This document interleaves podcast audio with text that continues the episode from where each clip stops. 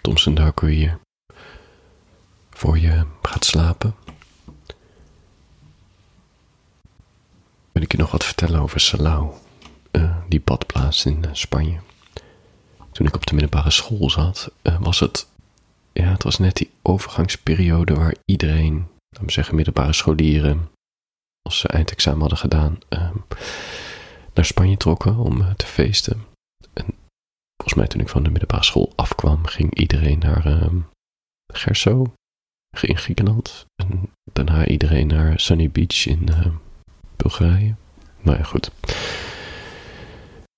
Ik zat nog net in die staart uh, dat mensen nog naar Salau gingen. Je had in de jaren negentig ook tv-programma's die... Uh, of een tv-programma die zocht dan die jongeren, onze Nederlandse jongeren op in Spanje, wat we aan het uitspoken waren.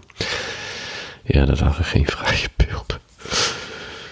Maar ik denk dat ik en mijn beste vriend van toen uh, mee door die beelden en, en ook op MTV waren en, en TMF waren vaak van die filmcrews in uh, Spanje te vinden. Uh, dus dat een soort aantrekking of zo dat we daar ook heen wilden. En ik kan me nog herinneren dat net, denk een week voordat de school sloot, dat ik een, uh, of, een paar weken voordat de school schoot, uh, ik moest nog een mondeling inhalen met mijn lerares Engels, bij mijn lerares Engels. En die vroeg van wat, wat ik deze zomer ging doen. En ik zei, ja, ik ga naar, met een vriend naar Salau. En ze echt heel verbaasd keek van, oh, maar dat doen jongeren toch als ze eindexamen hebben gedaan. En ik moest natuurlijk nog een jaartje.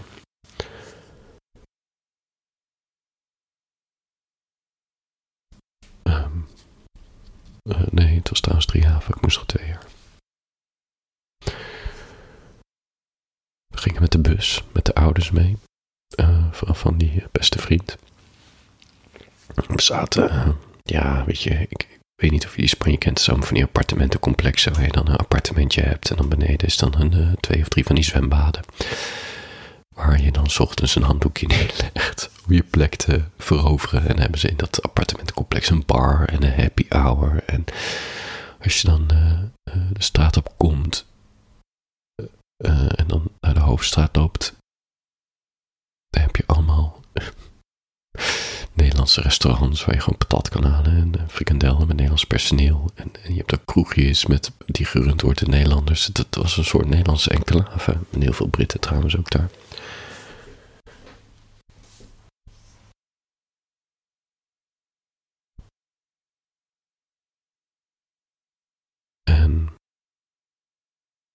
We zopen best wel veel met z'n tweeën. Maar ja, we hadden ook die ouders daar zitten. Dus we konden ook weer niet heel dronken terugkomen. Maar ja, we wilden ook dronken worden. Dus het was al vrij, ik denk al naar de tweede, naar de tweede avond hadden we echt veel te veel gedronken. En het was niet alleen bier, maar ook mixdrankjes. En nou ja, het was ook nog best wel relatief goedkoop. Wat ik me kan herinneren. Alleen die vriend van me, die kon niet zo goed tegen alcohol. Want ja, ik weet niet wat hij precies had, maar die nacht in, in bed. Hij kermde van de pijn. En ja, hij wees naar, ja, ik denk, is een maag of rechts onderin. Ja, ik weet het niet meer zo goed. Die viel ergens onder zijn buik had hij steken van pijn. En, en de volgende dag was het nog niet weg. En ik zat natuurlijk in dat gezin en ik bekende dat gezin niet zo heel goed. Dus, dus je komt ook in de dynamiek van hem en zijn ouders terecht, waar nou ja, zijn ouders dan best wel boos gepikeerd reageerden of hij niet te veel gezopen had. En hij dan, helemaal niet, hoe kom je daar naar bij?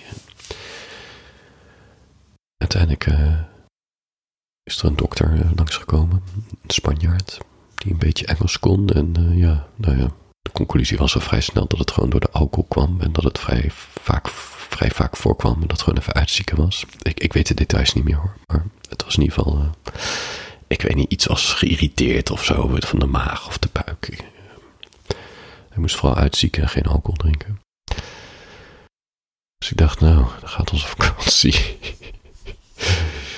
ik hoorde niet zo heel veel die dagen en die volgden. En we zaten wel een beetje in het zwembad te hangen en met een paar van die Britse meiden te flirten. En daarna begonnen we toch weer een beetje te zuipen. En toen ik dacht, yes, nu uh, kunnen we echt vakantie vieren, weet je, we zijn, we zijn er weer.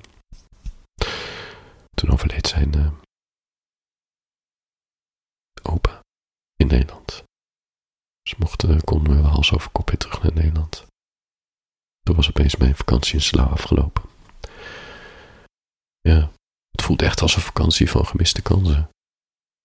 Ik had echt een beetje hele fantasie om daar allemaal meiden te versieren. En ik had ook echt een leuke flirt met een Brits dame uit Derby. En we hadden ook een afgesproken om samen uit te gaan. Uh, we hadden een avond gepland. Maar ja, toen overleed die uh, opa. Dus we konden ook geen afscheid nemen, want uh, het was vrij, nou ja. Volgens mij hoorden het in de ochtend. Gebeld met de verzekering en dergelijke. Daarna konden we, werden we op het vliegtuig gezet door de verzekeringsmaatschappij. In Barcelona, volgens mij. Toen vlogen we naar huis. Ja, toen zat ik daar thuis met een kater. Niet door de alcohol.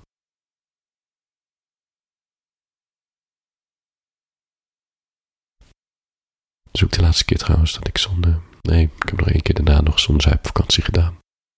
Misschien ken het. Camping Appelhof in Terschelling. Dat één keer nooit meer. Daarna heb ik het nooit meer gedaan. Het is totaal niet mijn ding. Oké. Uh, voor je gaat slapen. Of misschien ben je al een beetje aan het wegdommelen. Dat is helemaal niet erg. Ik, uh, ik praat je. Ik praat je. ik praat gewoon door. Anders kan je het morgen vroeg terugluisteren. Ik wil nog een klein verhaaltje voorlezen voor je. Dit komt uit mijn digitale bundel. Ik mis je nog steeds. Ik, ik probeer mijn proza's en mijn essays elke drie maanden te bundelen. En dan zet ik het in mijn webshop en dan kan iemand het kopen. Dan kan je het lezen op je mobiel of je iPad of, of je kan het zelfs uitprinten. Sommige mensen vroegen of ik het niet wilde drukken als boek, maar het spijt me. Het is het, uh, het kost sowieso minimaal drie maanden extra tijd om van een tekst een boek te maken. En het zijn relatief hoge kosten. Je moet natuurlijk de een beetje in de hand te houden, moet ik toch minimaal een paar honderd exemplaren bestellen. En het is niet de garantie dat die paar honderd verkopen. Ja, ik vind het gewoon ingewikkelder met kleine bundels. Maar goed, misschien in de toekomst. Uh, ik ga je nu een verhaaltje voorlezen. Die heet uh, uit mijn bundel Ik mis je nog steeds. Het heet Je bent wie je verlaten heeft.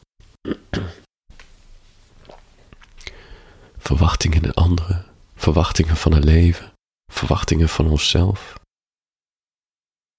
We willen zo graag verbonden zijn met anderen, minimaal met één persoon.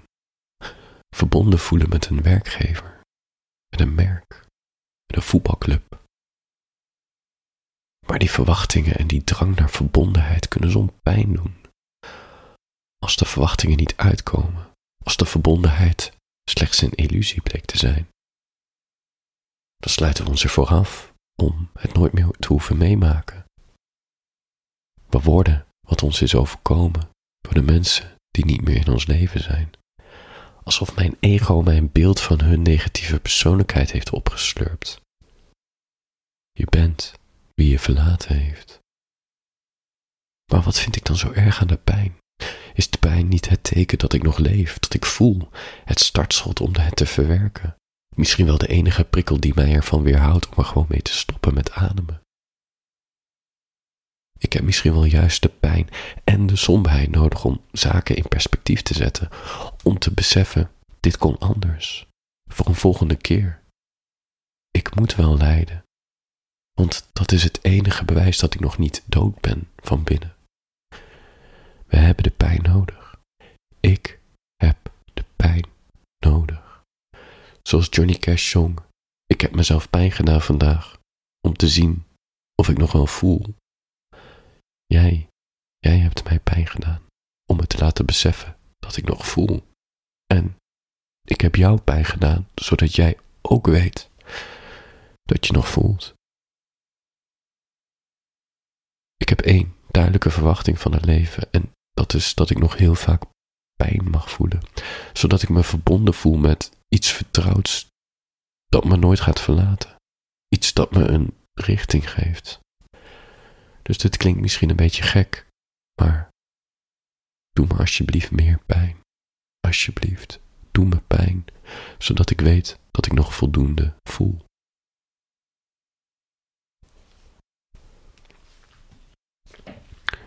voor je gaat slapen, wil ik nog even één ding tegen je zeggen.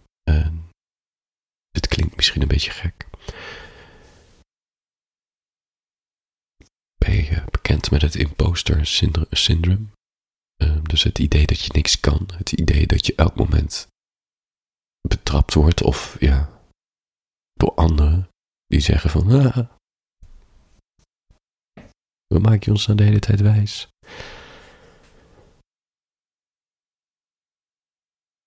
Dat gevoel is echt en ik heb er ook uh, heel veel uh, uh, last van gehad en nog steeds wel. Ik heb sowieso het idee dat, ik, dat er altijd iemand meekijkt, ook al is er niemand, laat me zeggen. Dus dat ik ook altijd beoordeeld en veroordeeld word, terwijl, nou ja, door wie dan? Maar misschien wordt het gevoel wel veroorzaakt door de manier waarop wij werk hebben georganiseerd. En besef je dit, weet je? Je hebt werk. Weliswaar komt het steeds minder voor, maar je hebt werk wat echt een, een vaardigheid is. Uh, echt een, een, waar je iets mee creëert. Timmerman bijvoorbeeld, weet je. Je moet, ja, dat is een vaardigheid, timmeren. Je moet een goed oog hebben, een goede hand, juiste materialen weten te maken, problemen zien, oplossen met timmerwerk. Of iets als een klerenmaker of een schoenmaker. Of weet je, gewoon echt die ambachts, ambachtswerk of een kapper. Is werk waar je in getraind moet worden. En, en door de ervaring die je hebt, word je er steeds beter in. En je krijgt er ook steeds meer zelfvertrouwen in. En ik vraag me af, het lijkt me heel sterk dat er timmermannen of klerenmakers of kappers bestaan die last hebben van het imposter syndroom. Het lijkt me eigenlijk ook heel onmogelijk dat de timmerman een klusje ziet, de offerte maakt en eigenlijk in zijn hoofd denkt: ik kan dit niet. Dat, dat is onmogelijk, want je moet toch vertrouwen hebben in de vaardigheid die je hebt. En je weet dat je het kan en je weet dat je hout hebt en spijkers. Je weet gewoon dat je het klusje gaat klaren. En nou ja, als het niet helemaal lukt, dan kan je altijd nog andere timmermannen vragen om te helpen. Hoe kan het dan dat zoveel mensen in kantoorachtige omgevingen last hebben van het imposter syndroom? Het idee van ik kan betrapt worden, mensen, mensen gaan zo net doorhebben dat ik niks kan. Is het misschien niet omdat een kantoor een hele vage omgeving is waar het eigenlijk ja, niet echt meer om vaardigheid gaat, maar om denkwerk en Denken is vaag, want er moeten dan rapportjes komen en adviesnota's en je moet wat rapportages draaien, maar het is allemaal zo vaag. Het is niet echt een vaardigheid en, het is, en we vergaderen maar met z'n allen af en we zetten stippen op de horizon en we verzinnen missies en visies, maar eigenlijk hebben we geen idee voor wie we het doen en, en wat de ander doet en de helft zit te bluffen en de andere helft weet het niet zo goed en zelf denk je ook van ik kan helemaal niks en we doen allemaal maar wat. Is dat niet juist dat gebrek aan vaardigheid? De ambacht weg is en dat we vaag denkwerk hebben gecreëerd voor onszelf. Wat alleen maar meer onzekerheid geeft, omdat eigenlijk niemand echt weet wat hij nou aan het doen is en wat nou de invloed is of wat voor radertje je bent in het geheel van die vage processen die bedrijven kunnen uitvoeren. Ja.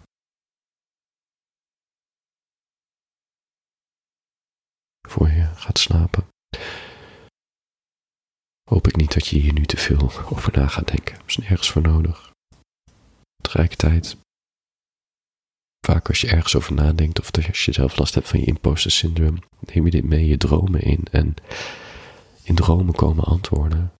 Je onbewustzijn gaat ermee aan de slag. En misschien word je morgen wel wakker of over een paar dagen en heb je opeens een antwoord dat jouw imposter syndroom eigenlijk nergens op slaat.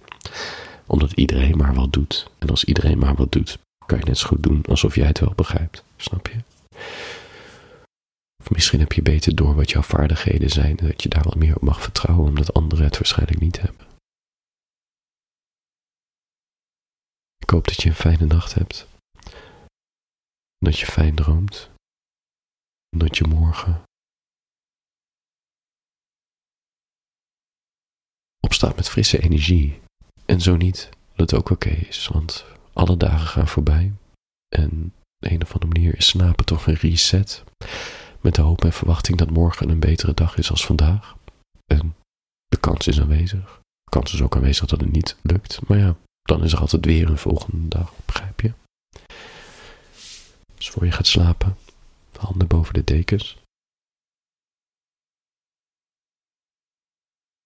Dan spreek ik je snel weer.